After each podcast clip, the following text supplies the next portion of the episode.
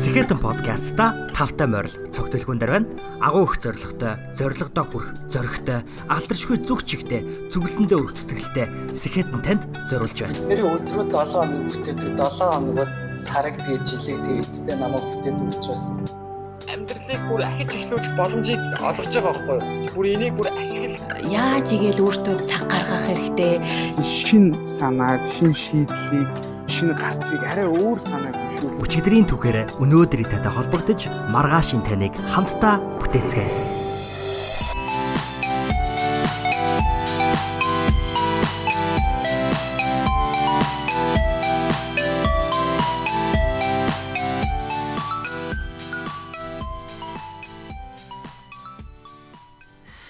Израилийн хаан Соломон өөрийн үнэнч сайддаа жаргалтай хүнийг гунигтай болгодог, гунигтай хүнийг жаргалтай болгодог тийм ид шидтэй бүгжийг олж иргэж тушаасан байдаг.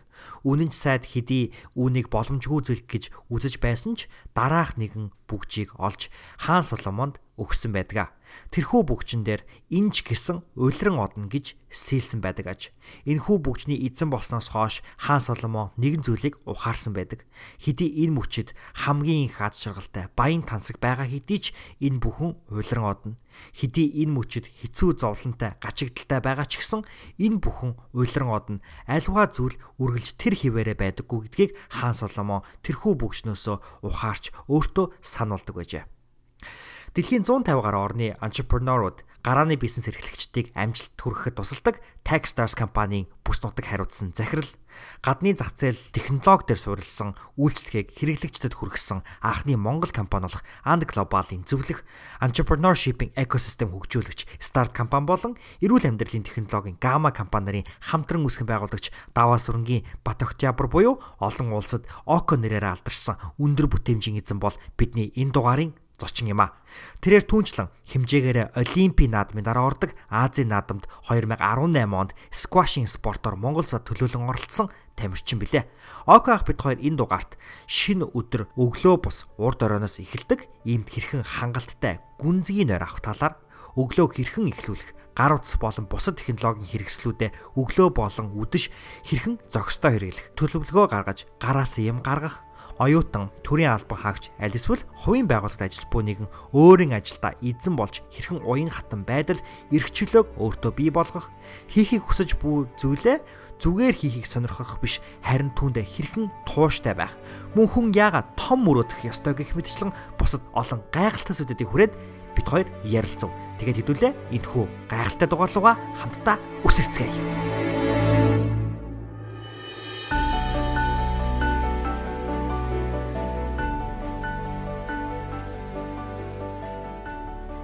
За дөнгөж төрүүхэн ажиллаад харж ирчихэд яг одоо подкаст бичдэг газартаа хүрээд ирчихсэн байна. Тэгээд 2 минутын дараа за 2 минутын дараа ок ахтай ярилцах гэж байгаа подкастын зочноор оролцсон. За ок ахыг бол би өөрийнхөө хэмжээнд бол мэднэ. Ер нь миний энэ 100 2018 оны 100 одоо өнгөрсөн 100 ажилласан Work Central болон ер нь бол гарааны бизнесийн ертөнц ер нь иргэн тойрны хүрээлэл дунд маань ок ах бол домог болж яригддаг. Энэ Монголд бол домог Тэгээд та бүхэн ок ахыг сайн мэдэх бах. Тэгээд ок ахтай ярилцах нэг цагийн одоо боломж олцсон байгаа. Яг ийм хуваар өөрт нь өнөөдөр гарсан байгаа. Тэгээд яг өнөөдөр бид бүхэн подкаст нэг цагийн дотор хийнэ. Тэгэхээр зэрэг бараг шууд одоо ок ах руу залгаал гол одоо ярилцсан руугаа яваал ороод шууд ерөнхийдөө бол гол гол сэтгэлийнхаа хүрээнд ярилцъя гэж бодож байна. Тийм учраас энэ удаагийн подкаст бол одоо маш одоо ондоо мэдрэмж өгсөн подкаст байх болов уу гэж би ер нь бол бодож байна. Тэгээд бүх зүйлийг яг тэр доор нь хийж байгаа гэж ер нь бол ойлгож болноо. За тэгээд яагаад ингэж байна гэхээр бидэнд би одоо ок ахта шууд ярина. Тэгээ ярихтаа мэдээж өөрийгөө танилцуулна, подкастаа товч танилцуулна тий.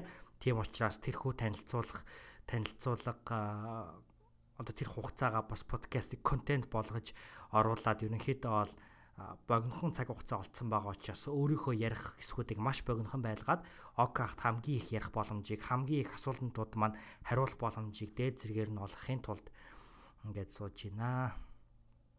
За одоо яг бит хоёрын ярилцах цаг бэлэн болсон байна. Байна уу? 1 2 1 2. Оо за одоо сонсож байна. За сайн байна уу та? За өглөөний мэнд. За баярлалаа. Танд өглөөний мэнд хүргэе. Юуны түрүүнд бас манд миний урилгыг хүлээж авсан танд маш их баярлалаа. Тэгээ тантай ярилцах боломж олдсонд би үнэхээр баяртай, таатай байна. Зүгээр зүгээр.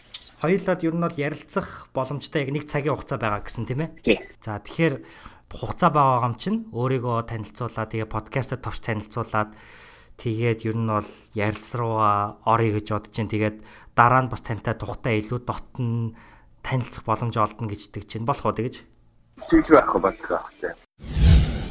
гамагийн сэргэлэн work central-ын учрал нар зочноор бас оролцож байсан юм факттай.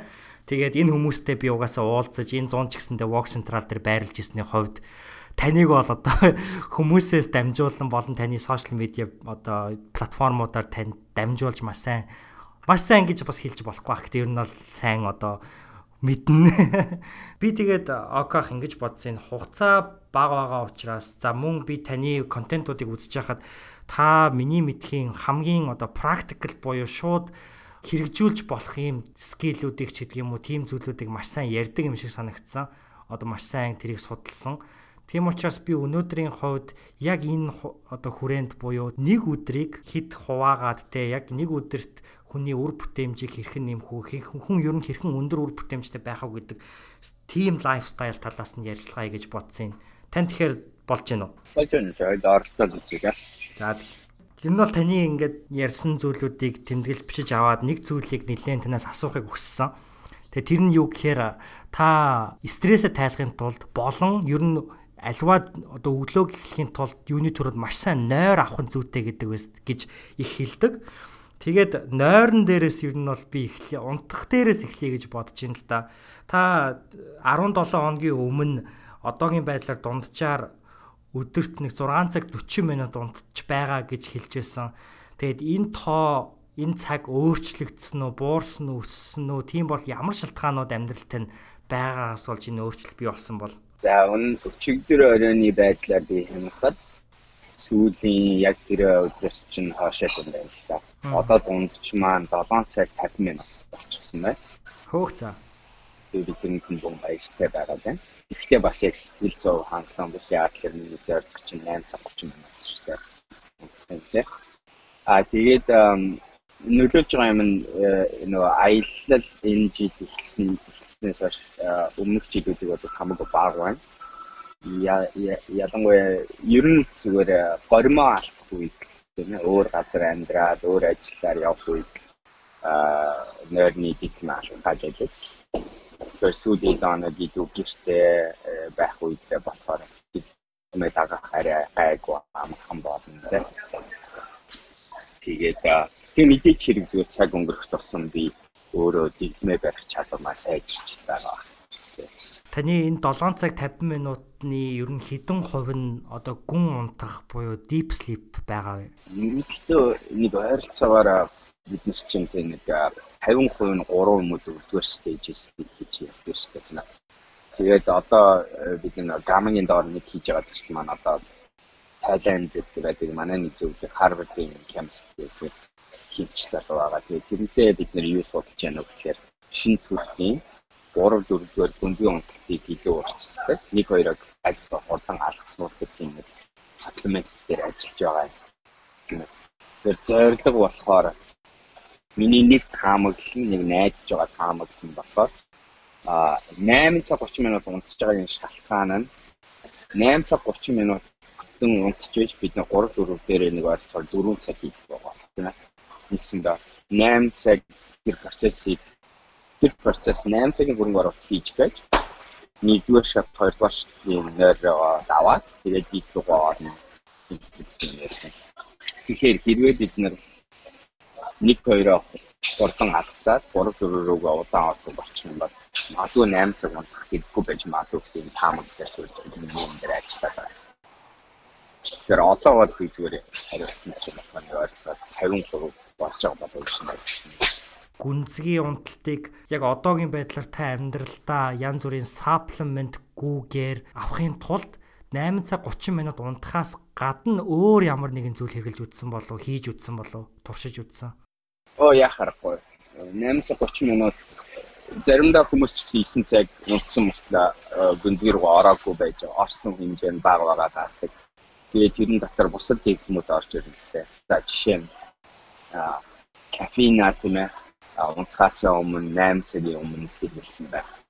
Одоо чи би яг одоо кофе ууж байна. Тэгээд миний хоёр кофе болохоор энэ кофе юусан дараа 3-аас 4 цагийн дотор уух хэрэгтэй байгаа. А тэгээд тэрний араас би дахиж үнхээр хэрэгтэй биш бол ерөөсөө уухгүй хичээн. А тэгээд тэр маань шууд өнөө шөнийн гүнзгий онцлог нөлөөлөх хэрэгтэй бол би мэдчихээн. За хоёр юм нь болохоор би нөгөө нэг мунтал руу орох нэг хэдэн гоё юм байгаа шүү дээ. Жишээ нь одоо орчин гоо бэлдэх сэтгэл зүйн хувь янз бүрийн одоо цэцэрлэгтэнд орсон бод тэрийгэ тайвшруулах гэх юм дээр заримдаа бясалгал ашиглаж болно. Гэсэн бясалгал гэсэн юм ашиглаж болно. За бас адилхан согтруулах ундааны төлөө юм хэрэгэлсэн бол системээр яс онцлох он цэвэрлэхийг хичээнэ. Мэдээж хэрэг хэрэглэхгүй хичээнэ тийм үү? Тэгэхээр хэрэглэсэн нөхцөл системээ цэвэрлэхийг хичээнэ. А орой одоо юу би хан микробот хоошин дэлгэхэд тусалсан янз бүрийн зүйлийг идэж чимс а парк Тэгтэр болгоно нь шууд нойрт нүдтэй байдаг байдаг юм байна тэгээд би бол одоо нүдөлдөг юм байна гэдгийг нь би ирээ мэдчихсэн. Аа. Тэр юм за тэгээд унталтын орчин бэлтгэхээр чинь гэрлээ эртнээс намсгаж ирлээ. Аа тийм ээ ороо болно одоо юугаа унталтын өрөө айл хавтаа болгох температураа давхруулах тэгээд тэгээд юу яг тодорхой цаг юм а өөрийгөө унтаацах. Танд одоо унталтын орчин бэлтгэхэд гар утас болон бусад техникт хөөрөмжүүдийн хувьд ямар алхмууд авдаг бол? За мэдээч хэрэг өрөөнд тийм ээ гэрлийн сурвалжуудыг аль багасхийг хичээнэ. Аа. Гэхдээ ийм юм байна. Би айгүй хатуу дэглэмтэй хэрэг хийдэг байсан урт. Нэгсэндээ би миний нэг уншижсэн ном Make Time гэдэг ном болон өөр одоо Newport-ийн ном дээр ч гэсэн яригддаг санаа нь хэрвээ та өрөөндөө янз бүрийн жижиг гэрлүү жижиг санаа сатаарлын сурвалжуудыг авч орох юм бол тэрийг дийлэхгүй байдаг бол бүр нэг дүрм нь юу байж болох вэ гэхээр тэр өрөөндөө тэдгээр зүйлийг ерөөсөө авч орох гэсэн дүрм нэлийн экстрим юм байгаа юм. Тэр нэгсэндээ унтын өрөөрөө гар утсыг авч авах. Унтын өрөөрөө ер нь бол тийм эзэн их сурвалжуудыг авч авахгүй. Тэр iPad, компьютер авч авахгүй гэдэг. А тэгээ би нэг хэсэг бол нэлээд бас жоохон хатуу дүрм гаргаж ирсэн бол одоо яасан гэхээр сэтгэл зүйн хувь TV цатаа болгох юм нөлөө тэрэнд өдөр татхаа болж чадсан. Нэгсэндээ хэрвээ би авч авах юм бол би яг л өөрийнхөө харъя гэсэн юм хараад тэгээд инфрагаад тэгээд тэрэнд өдөр татахгүй байж чаддаг болсон. Тэгэхээр би гар утсаа бол байсан. Миний гар утас миний өдөр аюу сөрүүдэх болж мэдээж байгаа.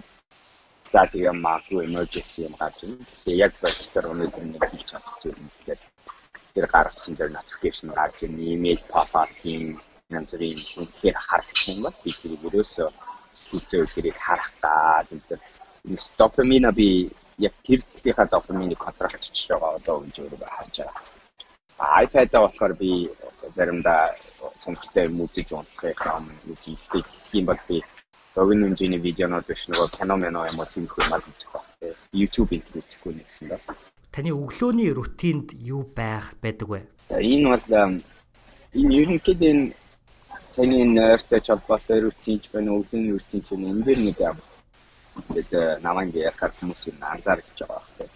Энэ юу вэ гэхээр ерөөсөө тийм том хэцүү тийм нууц юм уу гэсэн байдгүй. А тэгвэл бас яг адилхан ганцхан ширхэг хийж хийх шийдлэж ерөөсөн байдгүй. Тэгээ одоо юу гэх юм маа энийг хийчих тэгвэл тэгэл болчихно гэсэн юм ерөөсөн байдаг. Ер нь явж явж нууц нь үр дүн ханаас гадна гэдэг давтамжтай. Тэгээ би өнөө өглөө нийтлэл тавьсан. Тэрнээсээ нийтлэлээ тавьчлаа тийм ээ. Тэр нэг зуршлыг хэнд явуулах уу гэдэг. Аа Гэхдээ ерөнхийдөө юу гэдэг вэ? Маш олон жижигхэн энгийн алхмуудыг л зуршил болгож, дэглэм болгож тогтоох. За тийм гол өглөөний өглөөний рутин гэх юм бол миний одоо чинь за өглөөс басан босоод нэг хийж болохгүй зүйл миний утас өөрөө сэрүүлэг болохоор би утасныхаа сэрүүлгийг хамтраа утасныхаа өөр юм ерөөсөө харахгүй. Одоо урд нь бол айгүй хэцүү байдаг гэсэн тийм ээ хармаар байдаг гэсэн яслаад өөрөө угаасаа тэгээс сурцсан хүмүүс. Одоо болохоор бүр ерөөсөө харах ч санахад утсаа хамтраа тэгээ хамгийн түрүү миний нэг хийдэг зүйл нь биендээ хэдэн зөв зүйлийг хийн. Тэгээд тэр нь скам юм хоёр ска. Тэгээд нэг хэсэг би хитрэ хичээдэг байсан. Стикэн хичээдэг байсан. Тэр бас биендээ хийн. Энэ бол бараг гэрсэн нүдэн анестезигээр хамгийн их хийдэг зүйл байна. Бийг хайдрейт хийх. Энэ нийтэд нь даваад нэг бийг өөрөө байрлал гоё зүг орга бие хайхтнүүдээр буюу нэг одоодор өөрийгөө сэрэж байгаа байдал. Хоёрт нь угаасаа зүйчлийн арга ээ.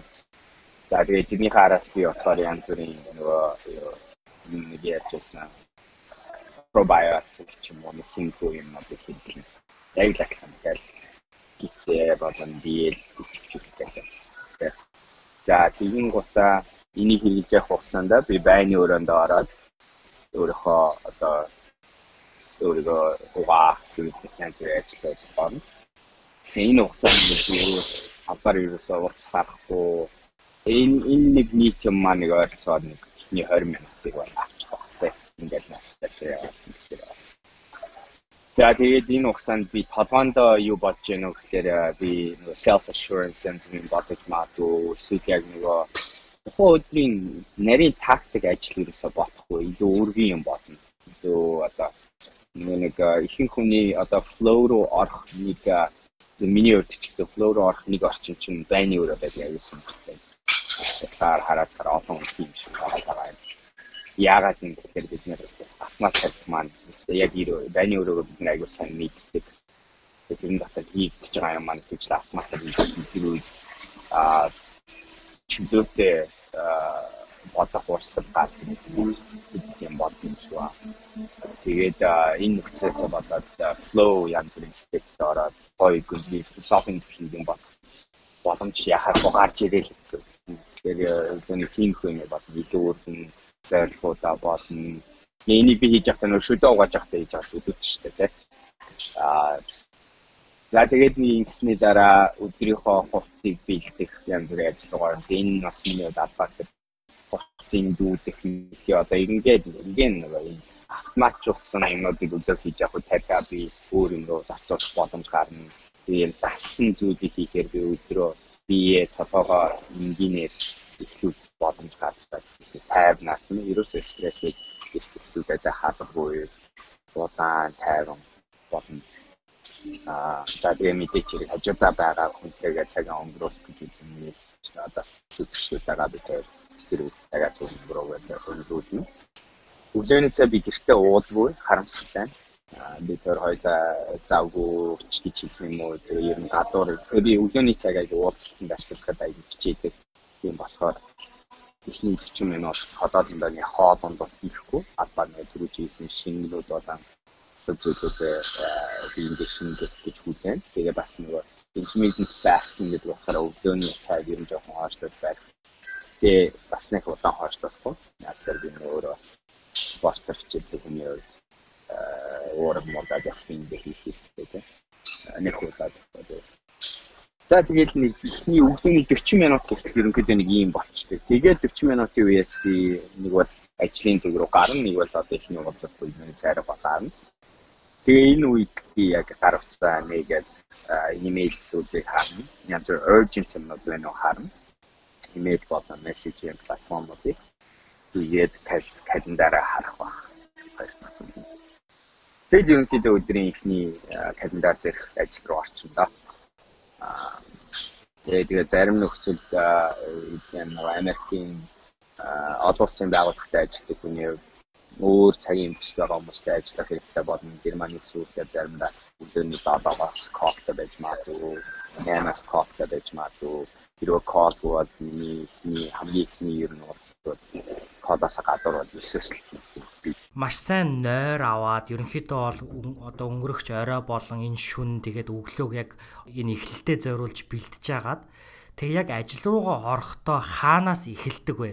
Яг ийм priority буюу ийм лист байна уу эсвэл цаанаас аль хэдийн бий болгоцсон стратегийнхаа дагуу ажилладаг уу? Бид нар ч гэсэндээ яг хаанаас ерөнхийдөө бол энэ хоримтлагдсан тэр ирчвчээ яг хаанаас эхэлж зарцуулж хэрэгжилж эхэлэх хэрэгтэй бол. Тэгэхээр чи сая өөрөө хэлээд бидний өөрсдөө priority гэдэг юм аа гэж хэлж байна төгс ертөнцид бол буюу одоо бидний хэрэг чаддаг бол яах вэ? Тэгэхээр сайн тэгээд айгүй өөрийгөө тийм гэдэг болчиход бид нар priority гэдэг зүйлийг байнга чеклдэг.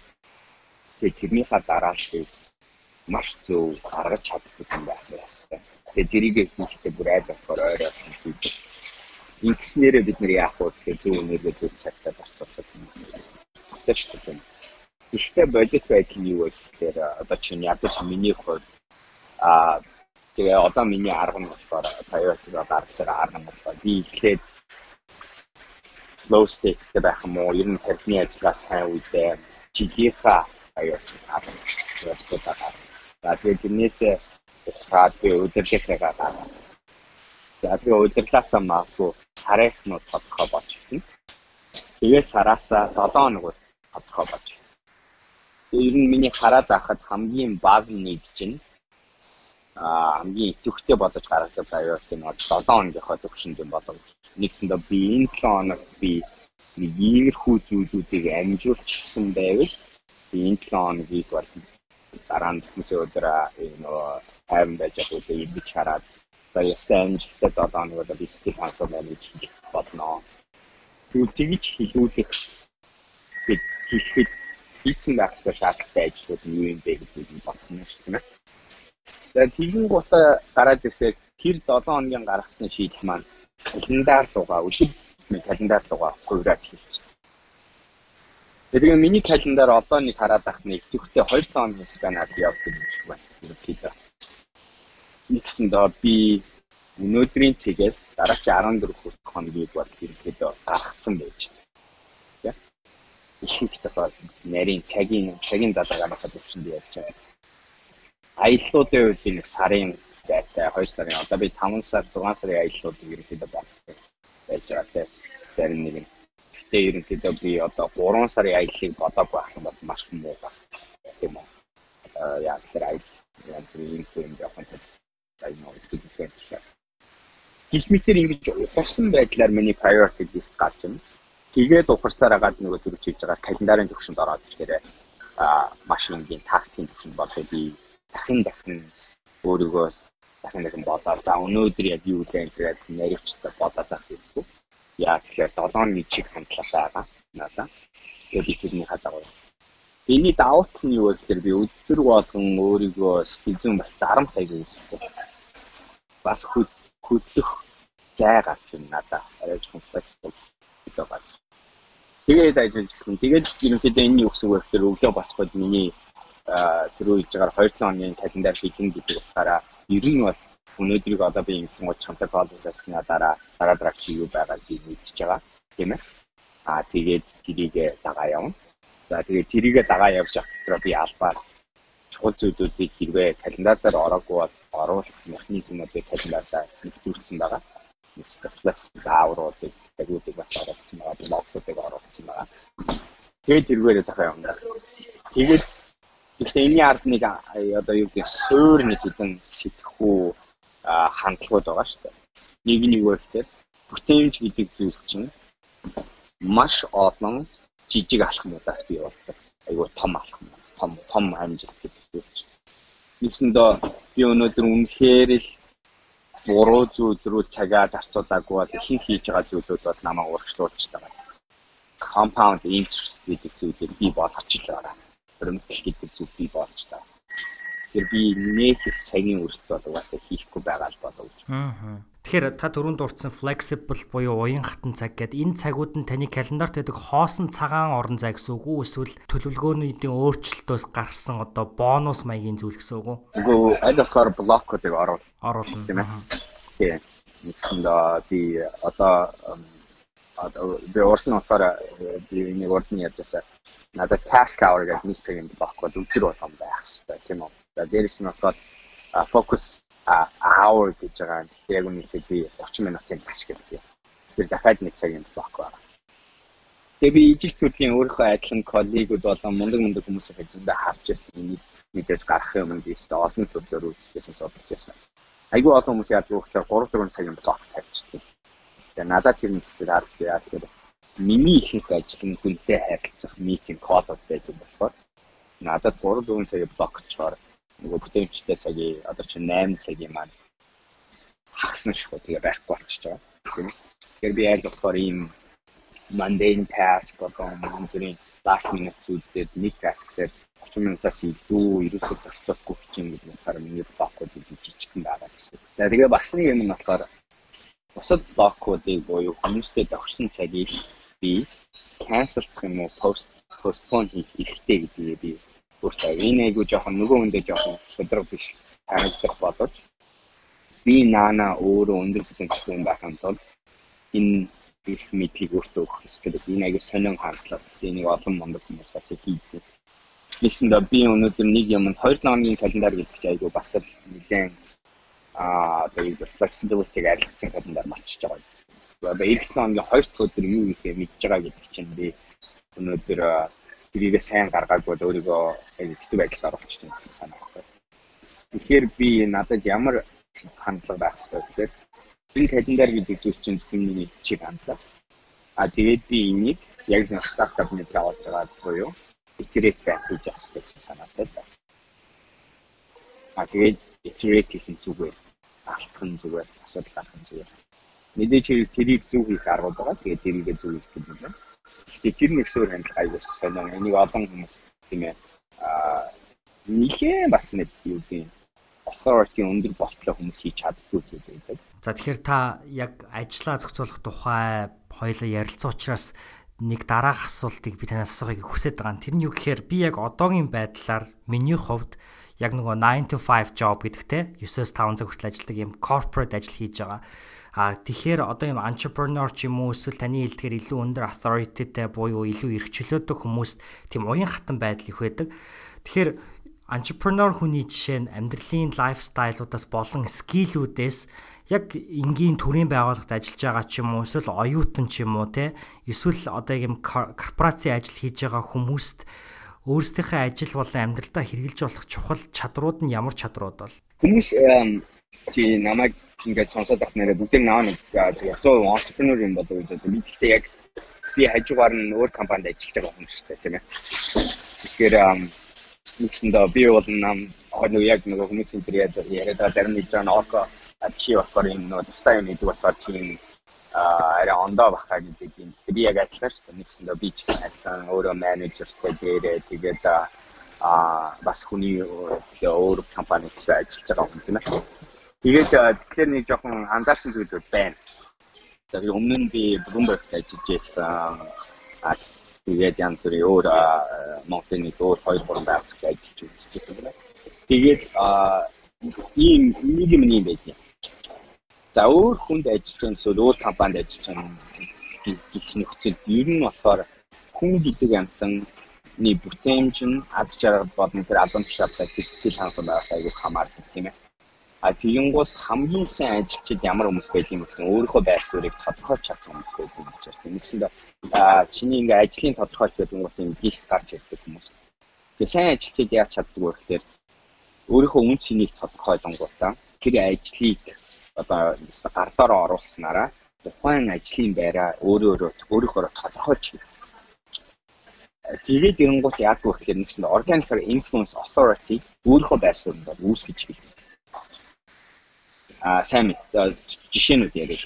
Нэгтлэн гэдэг хүнийг гэх юм нэг байгууллагад очирсан. Юунгуудаа тэр хүн маань өнөөдөр ерөөсөө өөрөөс нь нэгтгэх бүх зүйлийг станад 110% өгчдөг. Тийм үү? Тийм бол компани яаж эхлэх вэ гэхээр тэр хүнийг ерөөсөө контролх гэдэг хэрэггүй болчих. Тэр хүн trust гэдэг юм үүсгэж чинь, итгэлийг үүсгэж чинь. Тэгээд тэр хүн өөрт нь найдаж болдог гэсэн одоо хэд үнэмшил болон үр дүн гарах чинь тэгсэн нөхцөлд ер нь хамаа яагүй гэхээр мундаг хүмүүс ерөөсөө дуурлаа тэгж шахаад ах хэрэг байхгүй. Ямар ч менежер юм. Тэр хүмүүс харин ямар вэ гэхээр аль бол тэр үнийг зүгээр тэр сайн үр дүн гаргаад байгаа байдлаар байлдаг. Тэгээд ирэхэд энэ нөгөө нэгтлэн хүн чи яаж хэлэх вэ гэхээр одоо үр дүнгээс гаргаж явал яаж ажиллах сонирмж байна. Энэ энгийн юм шиг одоо энэ нэг тийм одоо байнгын биш юм шиг сонсож байгаа одоо сайн ажил хийдэг хүмүүсийг харуул бүгд яг л юм байна. Тэгээ аяанда яадаг вөхөр тэр хүмүүс ажлын цагаа өөрөө тодорхойлж хэлдэг болчтой. Ажил дээр юу хийхээ өөрөө тодорхойлж хэлдэг болчтой. Заримдаа бүр ингээ харангуй зарим нэг нь бүр 9 шидийн тустай юмнуудаа болон өөр албан тушаал юм хийдэг болчихгүй. Тэгсэндээ бид нэр өөрийнхөө албан тушаалыг өөрсдөө тодорхойлж хэлдэг. А тэгээд харангууд яаж тийм болохгүй гэж. Ерөөсө хамгийн ихэд хийх юм чинь тэр өөрийнхөө орсон албан нийтлбэр нийцэл байна уугүй үгүй юу гэдэг нь аягүй чухал асуудал болж байна. Тэгсэндээ тэр албан тушаал чи тохирсон үнэ үгүй юу? Хэрвээ нийцэл нь байгаа бол үнэхээр тэр нягтлан хийдэг хүн тэр нягтлан хийдэг албан тушаалд ороод тэгээ энэ байгууллага хэрэгтэй байгаа нягтлан хүнээ шаардж байгаа зүйл нь самд байгаа юм бол дараач алхам нэг үгээр нийцэл нь байгаа бол тэр ройло мастерлах төлөө эхлээд болчихдог. За тэгээ мастерлаад үр дүнгээ гаргаж чаддаг болчих юм бол дараа нь угаасаа яг тэрийгээ дагаад чөлөөтэй байх эрх чөлөө нөлөө нөлөөдөл эрх мэдл нь өөрт нь гал дээр нэг. За тэгээд ирэнгуут яах вэ гэхээр нэг ойлгох хэрэгтэй юм чи дараагийн төсөлд нь ингээд ирсэн хүмүүс яах вэ гэхээр нэг юм ойлгож тэр нэг үгээр тэр хийх байгаа ажил ер нь их их ажил шүү. Би ер нь одоо болтол надаас яг нэг компани дээр өдөрт 8 цагийн яг миний анхаарлыг шаардсан тийм албан тушаал ажил хизээч хараагүй. Тийм угаасаа байдаг. 8 цагийн ажил шаардсан мэдсэн байдлаар ажилладаг ажил гэж юу нь бол байхгүй. Хүн гэдэг юм угаасаа тийх боломжгүй. А тэгээ цаанаас гарч байгаа зөөлтөө их ч зүйл нь угаасаа 8 цагийн юм байдаг. Чимээр л юм үсэж байгаа шүү. Үчгийн тогтсон зүйлийг хийх ажил тэгээ баг амархан байдгийг хэлэх гээд байгаа. Нэгсэндээ тэр нягтлан өөрийнхөө бүтээмжийг зөв менежж чадаад ажлаа зөв хийгээд бүтээмжээс зөв максимайз хийж чадах юм бол тэр нягтлан ихэнх тохиолдолд өсрөөл 4 цагийн дотор өдрийнхөө ажлыг хийх боломжтой. Дуусгах боломжтой. Тэгээ юу ихэнх ажил. Угаасаа ингээ ямар ч ажилчныг харуул яг хийж байгаа цагийн үеийг харах юм бол ерөөсө голоор нь маш олон сатаа сатаарсан цагууд, дэмжгүй цагууд, юу болоод өнгөрсөн мэддэхгүй цагууд аюух гадаг шүү. 9-6 дотор ер нь бол харах юм бол дэмжтэй 3 4 цаг гаруул хийх юм бэ. Ямар ч ажилттай юм. Тэр хэлгээд байгаа зүйл нь эхлээд өөрийнхөө цагийг зөв ашиглаж менежер максимайз хийж бүтэмжээр зохиц сурах хэрэгтэй. За яг тэгээд тэрэнгуут тэрэнгуут нөгөө миний наач одоо нөгөө миний яриад байдаг юм хувийн юм бүгдээс чи бидний сурах юм тэр байхгүй. Төрд ажиллаж гэн оюутан байна уу?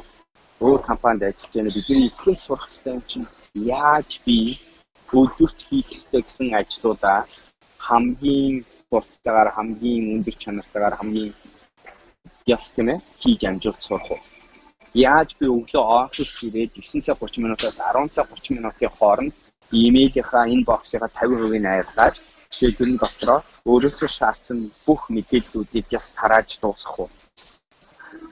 Яаж би надаас нь хэвдээд байгаа тэр репорт юм уу документийг яс гараасаа гаргах уу? Зүг байлаа. Тэгээд тэрнгуут нөгөө бидний үгээр жижиг юм ч аюу гарч байна. Жишээ нь уулзалтуудыг 30 минутаас илүү битгий болгох уулзалтууд дээр цагтаа ирч. Ерөөсөө нэг юм хэлээ. Өнөөдөр ингээ Монголд одоо нэг хавсартай байдал манай соёлын нэг хэсэг нэг цагийн уулзалт хийх гэж бид нэр цаг 40 минутыг яг алчаад дандаа хэлж байгаа байдлаасаа бодоод дуусгаж байгаа байдлаасаа бодоод хүмүүсийн бэлтгэлтэй байдлаас бодоод яриа зохион байгуулалтгүйгээс бодоод уулзалтыг зохион байгуулж байгаа хүн нь ерөөсөө дийлэм гаргаагүйгээс ингэ бодоод бид нар дандаа 30 минутанд хийж болох зүйлийг бараг 2 цаг 2 цаг алчаад Тэгээд одоо төсөөл 3 3 уулзалт өдөрт байлаа гэж 6 цаг алчдаг. Тэгээд энэ доктор чинь яваад ланч хийх. За энэний доктор яваад нэг хүнтэй уулзаад цоно. Тэнгуусаа гаднаас нэг хүн авч. За тэгээд нэг мэдсэн чинь 8 цаг байна. Тэр нөгөө хайсан шийд шийдний ерөөс ганцхан шийд байдаг жижиг юмнууд байдаг. Тэгээд тийм хэдэн жижиг юм яриад байгаа бол өнөөдөр төрөлд ажиллаж байгаа хүн чамаагүй хувьч хувийн компанид ажиллаж байгаа хүн чамаагүй 4 цаг юм амжилт болдог болчих. Тэгээд ирэхээр чинь бид нэр өнөөдөр өөрийнхөө 8 цаг 9 цагийн хүрээлж гисэн аюугаар барьсан өгөх юм шиг боломж. Заримдаа яг өмнөний хэлбэр хувийн хөвшилд ажиллаж байгаа хүн биш. өөр нэг корпорац юм уу төрд ажиллаж байгаа хүмүүсийн амьдрал ажил илүү амар штэ. Яагаад гэвэл тэр хүмүүсээс ихэж байгаа цагийн хязгаартай. Ихэж байгаа ажил нь тодорхойлогдсон хязгаар юу хязгаартай. Ийм юм уу? Би барыг хараад өө миний ажил юм. Тэгээ би нэг айгу энгийн жишээ л дээ. Манай инх бодор одоо нэг чи манай инх бодор одоо тийм ээ Хонконгийн консулт ажиллаж байгаа тийм ээ. Тэгээ өмнө нь одоо дэлхийн банк болон хувийн юм дээр ажиллаж үзэж байгаа. Одоо тэнд хараа очоо харангуут ажлын цаанаас нь хийж байгаа зүйл нь яг өнөөдөр албан тушаалыг харах юм бол цаанаас нь нэгж байгаа зүйл нь ямар энгийн ямар цөөхөн хязгаарлагдмал юм бэ гэдэг нь өөртөө шууд ажиллаж байгаа. Хувийн хэв шиг хийж байгаа хүмүүс чи яадаг вэ гэхээр тэр хийх ажил болон хийж амжуулах хэрэгтэй зүйлээ өөртөө тодорхойлдог. Тэгээ үр дүн рүү өөртөө зүтж байгаа гэдэг хүний хувьд хийх ажлын тооч үнэхээр баг. Ялангуяа тэгээ шинэ юм хийж байгаа бол тогтсон бүтц чинь хамгийн юм тодорхой гормоор дарна. Тэгэхээр энэ оюутан байх үед бол маш их гоё одоо нэгсэндээ хичээлэл байна тийм үү нэг хэдийн хичээлэл байна тэрийгээ дуусгах асуудал яхаар бол тэгээ хажуугаар нь ажил мэжлийг илүүтэй юм гарч ирсэн компанид ажилладаг байсан биднэрт яг үнэхээр илүү их хичээлээ байна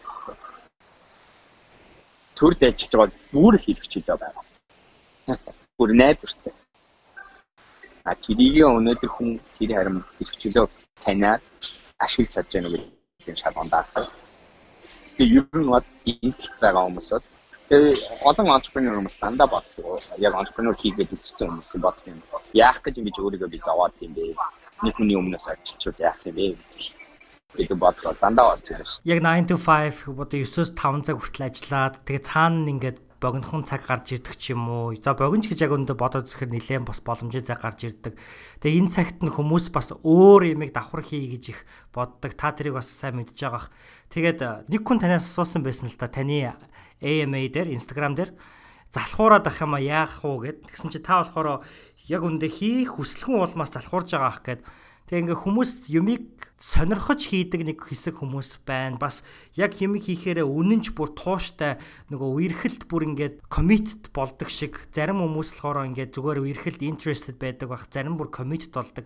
Тэгвэл яаж ингээд сонирхож байгаа юмдаа бүр ингэж үнэнч тууштай байх вэ? Энэ дээр хоёр хоёр юм яри. Өнөөдрийн өглөөний тавьсан нийтлэлээр би тавьсан зүйл нь яасан зүйл нь тэр байна. Зорилгыг өнөөдөр биелүүлэх нэг ихний алхам нь үнэхээр тэр зорилгоо миний зорилго мөн үгүй юу гэдгийг таних асуудал ярьж. Тэгээд таних асуудлын ард нь юу байдаг вэ гэхээр яагаад энэ миний зорилго юм бэ гэдэг асуултыг өөрөө өөрөөс нь хэрэгтэй. Ихэнх тохиолдолд бид нэр өөрийгөө таньж чадаагүйгээсээ болоод тавьж байгаа зорилго маань нийгмээс юм уу өөр хүнээс тусаад ирчихсэн зорилгууд байдаг. Жишээ нь entrepreneur болох гэдэг бол одоо маш том тийм тийм зорилго болсон байгаа. Олон хүний одоо яг үнэхээр entrepreneur болох хүсэл үгүй юу гэж мдээгүй байдаг хүмүүс маа ойлгоогүй байдаг. Яагаад гэдэг асуултын хариулт нь тодорхой болоогүй байдаг.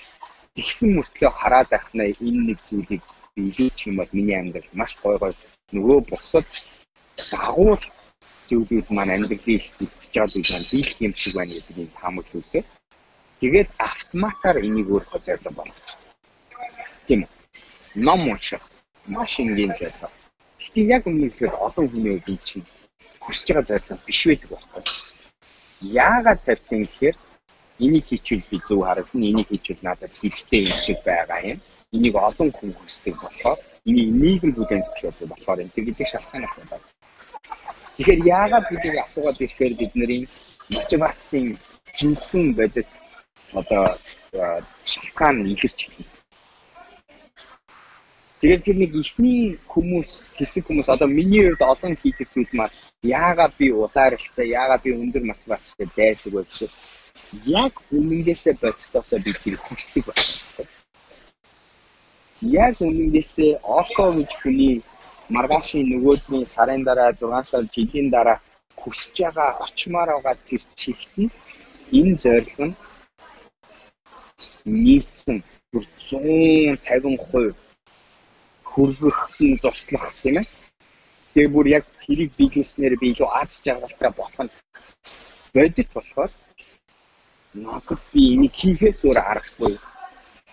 Энийг би мянга өдрөөд унсны дараа ч гэсэн дахиад нэхэн босгод шаардлагатай тэр энерги өсч хүч нь миний татад бий болчихж байгаа байхгүй.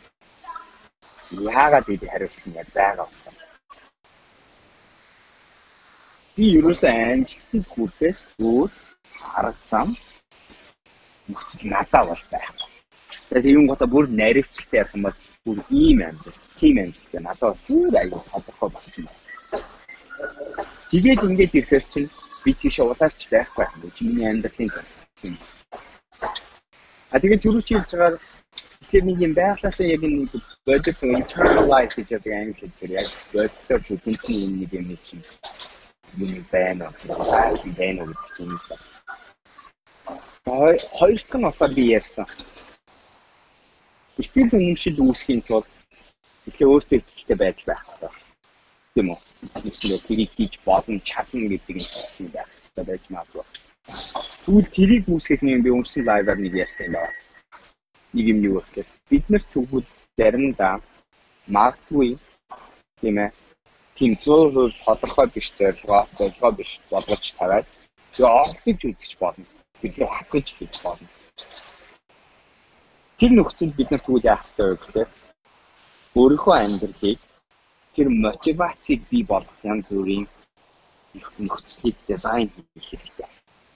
За энэгээр юу ч хэлээд байна гэхээр жишээ нь 9 үдээс 6 цаг боллоо офсоосоо гарлаа нөгөө нэг өөртөө тавьсан зорилгынхаа нэг юм хийж үзмээр байна. Хиймээр. Гит хэрэг тохиолдол яатсан байдгүй болохоор бид нэр айгүйх ядарч гисэн байна. Юу илүү төгтөө юм бодох, хайрч унтаж, тайван тэгээд нэг телевизэр үзэж тархи амраах те. Гих мэтэр ингээд нэг юм юм гэсэн. Энэ нөхцөл тэгвэл бид нэр яаж болох вэ? Энийг бид нар маргааш яг орой тэхээ бас мэдчихэж байгаа шүү дээ. Нөгөөдөр орой бас их тэхээ мэдчихэв.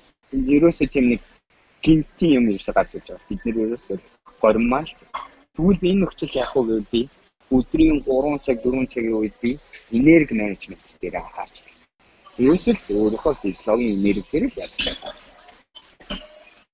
Бид нэр өглөө сайхан унтаж амарсны дараа айгүй гоё хөнгөн өглөөний цай уусны дараа өдрийг ерөнхийдөө яахад ч бэлэн болцсон байдаг юмсан. Яг үйл бидний би энергиэр дүүрэн. Сэтгэл санаа маань сэргэд тийм үү. Ерөөсөө сөрөг юм ороогүй ихэнх тохиолдолд тэгж хэлдэг шүү. Тийм нөхцөлд хүн хэцүү юмыг оролдож үзэхэд хамаагүй өндөр магадaltaй, хамаагүй өндөр хандлагатай байгаа. Эерэг хандлагатай байдаг шүү. Тэгэхээр яг тэр нөхцөлийг өөртөө үдээс хойш бас тэгээд дизайн хийх хэрэгтэй байна шүү. Тийм ээ. Хэрвээ 6 цаг гэж дуусан гол яг өглөөс ирж байгаа юм шиг за одоо халаад бий гэдэг гоё энерги дүүрэн ихсэн хүн байвал юу гэж гэртээ очиад яван дээрээ суугаад ч юм уу тий. Тэгэл ингээл аа ингээл одоо за өнөөдөр орой ингээл унтахаа бодохгүй шүү дээ. Чи энерги байгаа юм чинь заримдаа хүн чинь нойр хүрдгүй шүү дээ. Яг тэнтэй яг энерги байгаа чинь тэр юм хийхээс байна. Хандлага нь ондоод нэрэг болно. Цаг зарцуулахад бэлэн болно тий. Тэгэхээр нөгөө талаас хэлэх гээд байгаа зүйл нь бид нар тэгвэл ядаж эднэрлүү дайрах өөрийнхөө магадлалыг өсгөх механизмуудыг илтгэж Тэгээ энэ дотор чи энергийн асуудал байна, сэтгэл биеийн физиологийн энерги менежмент байна, сэтгэл зүйн энерги менежмент байна. Одоо түрд ажиллаж байгаа хүмүүс бол офисын цаг дууслаа. Яг дараа нь 10 минут бяцлал хийхэд шал ондоо болно гэдэг юм. Офисоос гарахын өмнө 10 минут ганцаараа нэг болонд очиод бяцлал хийж. Шал ондоо өөрийгөө цэнгэлж байгаа асуудал өдрийн бүх ажлын стресс болон тэр сөрөг бодлого сигналуудаа ямар ч байсан нэгэн хөнгөж бас нэг хийж байна. Маш ингэ. Тийм үү. Гэх мэтэр иймэрхүү байдлаар бид нар бас тэр нэг буцаагаад тэр мотивацийг буцаагаад тэр залхуурыг арилгаж болох болов. Тантай ярилцах хугацаас дуустдаг чинь тэгээд жоохон дуус төгч байгаа болохоор би тань руу жоохон ховийн асуулт асуучих гээд байхгүй. Ховийн гэдэг нь таны биен дээр байдаг зүйл. Та нөгөө шивэснүүдийн тухай би сонсож явах Memento Mori гэдэг юм уу, эсвэл Fortune Favors the Bold гэдэг юм уу, ийм зүйлүүд байдаг гэсэн. Тэгээд энийг миний мэдхийн нэг юм stoicism гэдэг философт айгүй хэрэгэлдэг зүйлс мөн үү? Stoic-ууд айгүй ашигладаг юм байлаа. Энд ихтэй айгүй бол юу юм бэ? Грекийн угаасаа яг тэр үед үүссэн нэр томьёонууд энэ төр гэдэг утгаараа ромчуудын дээр ашигладаг байсан юм бүгд э нэгэн урт удаж байгаа л үгнүүд юм л та фрэйзүүд. Иймэрхүү одоо философиудыг бид нэр амьдралынхаа ямар нэгэн тодорхой мөчид ямар нэгэн байдлаар хүлээж авсан байдаг. Тэгээд тэрийг хэрхэн амьдралынхаа ялангуяа та одоо бие дээрээ шивээс олгоод шивээс болохоор чин тэр зүйл нь таныг үргэлж таргаж явдаг нэг медиум болчихж байгаа тий талбар. Тэгэхээр эргээгээд медиум нь танд байнгын мессежийг өгч идэг. Тэгэхээр өөр аргуудаар бас яг энэхүү философийн ч гэдэг юм уу гүн ухааны энэ аль хэдийн сургацсан ойлголцсон зүйлсүүдийг өдөр тутамдаа хүн яг хэрхэн сануулж болох вэ өөр аргуудаар гэвэл ер нь тийм нэг одоо юу гэх юм бүтэмжтэй бодож юм амжилттай болын гэдгийг ноцсон дийлжсэн зохион байгуулалт ярьжсэн тэгээд зохион байгуулалт чинь зуршлаар гарч юм. За тэгээд зуршил нэг тиймийг одоо үүсгэхийн тулд бид нар аягүй тийм persistent гэдэг давтамжтай ихтгэл юм шиг аягүй хэрэгтэй байна. Тийм ээ. Тэгээд тэр танкнасаа гарах ёстой гэдгийг зүгээр нэг юм айгүй ухаарсан үедээ зөвхөн бодоод мартдаг юм болох ёсгүй байхгүй тийм үү. Инхээр муу гэдэг тэр нэг хандлага итгэл юм шиг чинь татвар чинь цусан чинь шингэсэн байх хэрэгтэй байна. Тэгээ харамсалтай нь юу байдаг вэ гэхээр ялангуяа шинэ итгэл үнэмшил хандлагыг би энэ дээр ороод нөгөө техникдээ ороод өөртөө internalize болгоно гэдэг нь бас жоохон цаг шаардсан ажил байдаг. Тийм. Яа тэгэхээр тэрний эсрэг олон програмчлал бид нарт амьдралд айгүй шингэсэн зүйлүүд эндүү байдаг байхгүй. Тэрний хязгаарлагдмал тархины ажиллагаа гэж чинь олон зүйлүүд хуваалцаад байгаа. Олон зүйлүүд хахаад байгаа. Тэгэхээр өөртөө эдгээрийг сануулах, дахин дахин сануулах айгүй чухал юм. Төгс ертөнцид бол энэ internalize болцсон. Хэдийн хандлага болцсон. Амьдралыг чинь өөрийн чинь хувийн чинь принципл үнцэн болцсон байх хэрэгтэй. Ихтэй ихтлээ бас адилхан хөдөлмөр шаардлагатай.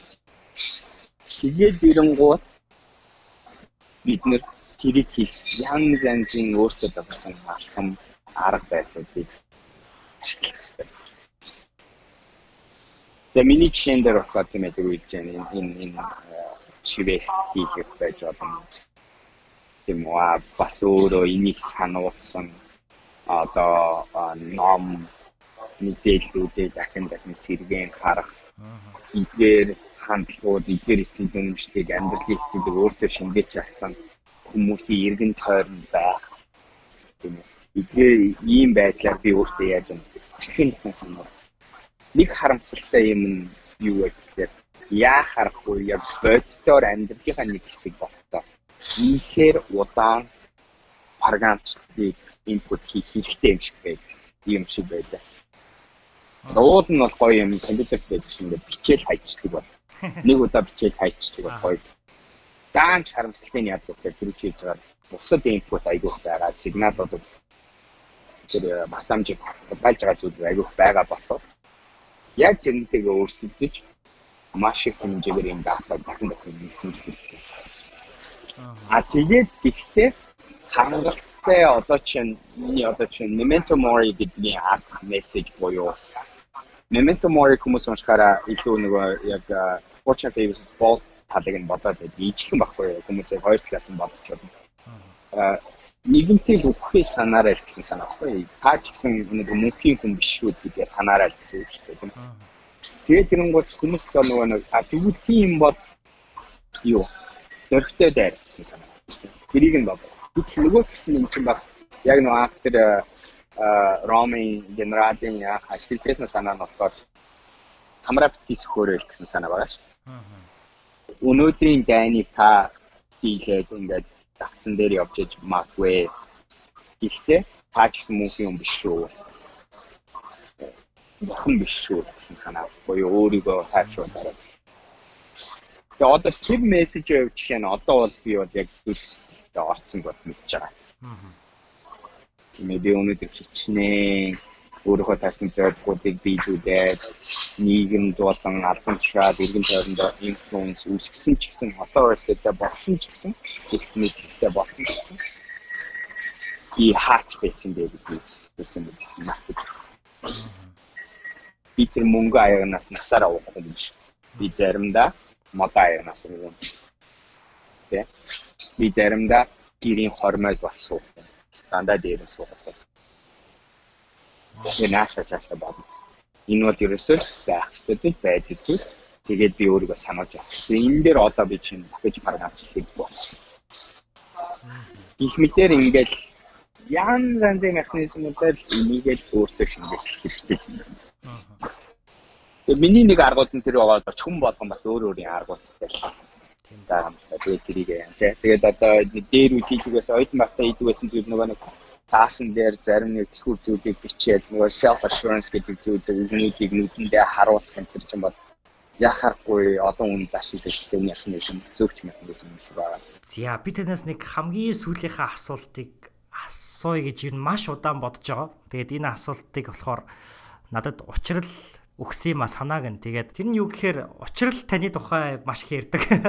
Их гоё зүйл ярьдаг. Тэгээд подкастн дээр зочноор оролцож байхдаа ч гэсэндээ ингэж хэлж ирсэн. Ог ахын хэлсэн зүйл нь юу байсан гэхээр би одоо эргээд бодохоор би буруу хэлж магадгүй. Гэтэ paraphrase хийж байгаа. Би одоо эргээд бодохоор илүү том мөрөөдөх ёстой байсан байна. Тэгээд том мөрөөдөж чадсан бол би илүү их зүйл бас хүрч чадах байсан юм байна гэж бодож байна. Тийм болохоор том одоо мөрөөдгөөс ч юм уу битгий аа гэсэн ийм утга санаа илэрхийлсэн зүйл таныг хэлжээсэн гэж ингэж хэлсэн.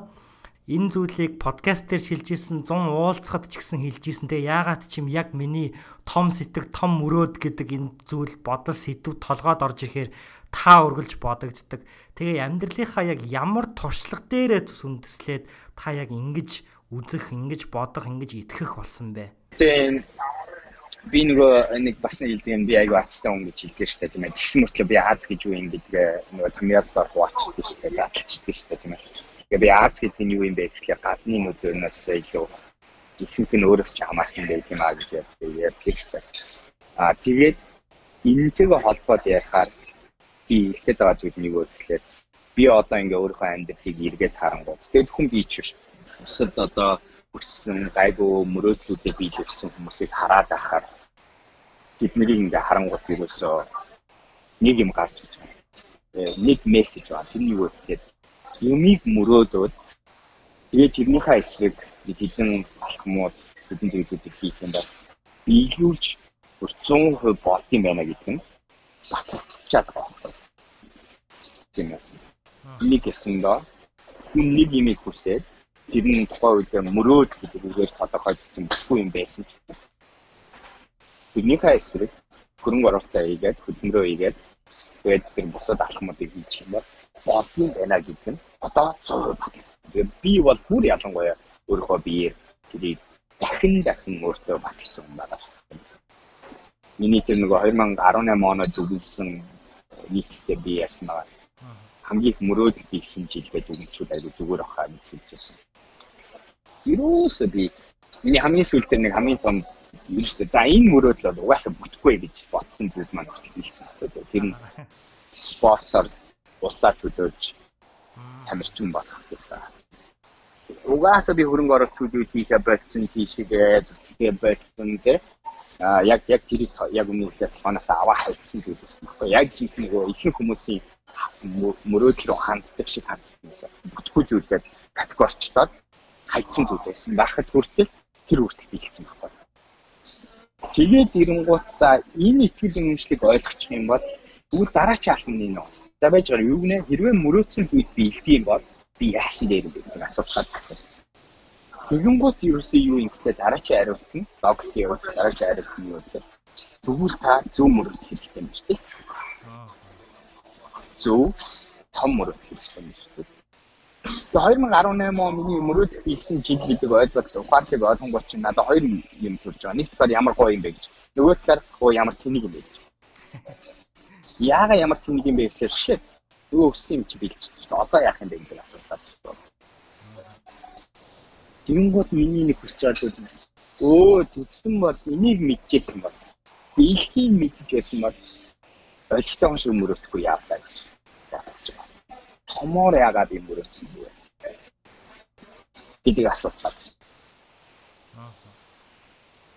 Тэгээ одоо би бол тэг хүмүүс одоо наад наад нөгөө одоо ингээд миний юмнуудыг сонсч байсан хардсан хүмүүсийн нэг мэдхгүй зүйл нь миний бүр анхны эхлэлийн сториг аягаа одоо мэдхгүй шүү дээ тийм үү. Тэгэхээр би ямар ч байсан одоо юу гэдэг энэ өнөөдрийн биелүүлсэн нөхцөл байдлыг хэрвээ миний одоо анх хэлжсэн үедээ арчилаа үзэл холбоос нь ерөөсө харагдаагүй харагдахгүй баггүй юу? Гэсэн би мөнгөтэй танил талтай тийм гэрүүдээс гаралтай биш тийм ээ. Тухайн үед бүр яг хэлээд өшөөл ийм хүү юм биелүү магадлал нь хамгийн бага дээрээ байсан хүмүүсийн нэг байсан баг ерөөсөө тийм төгс онцгой юм дээрүү байгаагүй. Тэр тийм замлаас энэ үрж болж байна гэдэг нь харагдчихж байгаа юм бол одоо үеийн залуучуудыг харангууд би нэг хэлж чадахгүй ерөөсөө хинээс үл хамааран. Зарим хүмүүс нь тэр экспизийг аягүй ашигладаг байхгүй. Аа та тэгтээ ч юм уу чи тэгтээ нэг ондоо нөхцөл байдалтай байсан шүү дээ гэж боддог. Үгүй. Би харин ч илүү долоондоор нөхцөл байсан.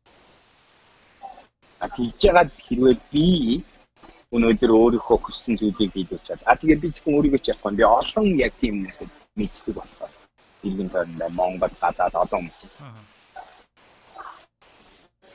Гүр бусад хүнтэй адилхан бус түнээс 700 нөхцөл байдлаас тэдгээр хүмүүс яаж чадсан бэ гэхээр нэг юм хүсээд тэгээд тэрнийхээ эсрэг зүг зүйлүүд тэгээд тэрийг биелүүлж чадсан.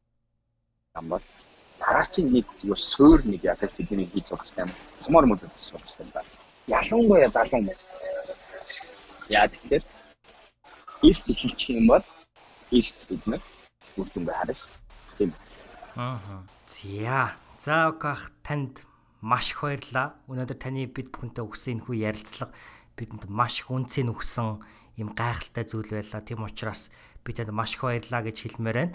Таны яриаг тантай ер нь ярилцахыг хүссэн маш олон сонсогч нар бидэнд байсан. Тийм учраас таны бас энэхүү яриаг сонссон сонсогч нарт маань маш сайхан өдөр эхэлж байгаа гэдэгт би туйлын ихтгэлтэй. Тийм учраас танд ч гэсэн тийм туйлын гайхалтай сайхан өдрийг бас хүсье. За баярлалаа. Амжилт.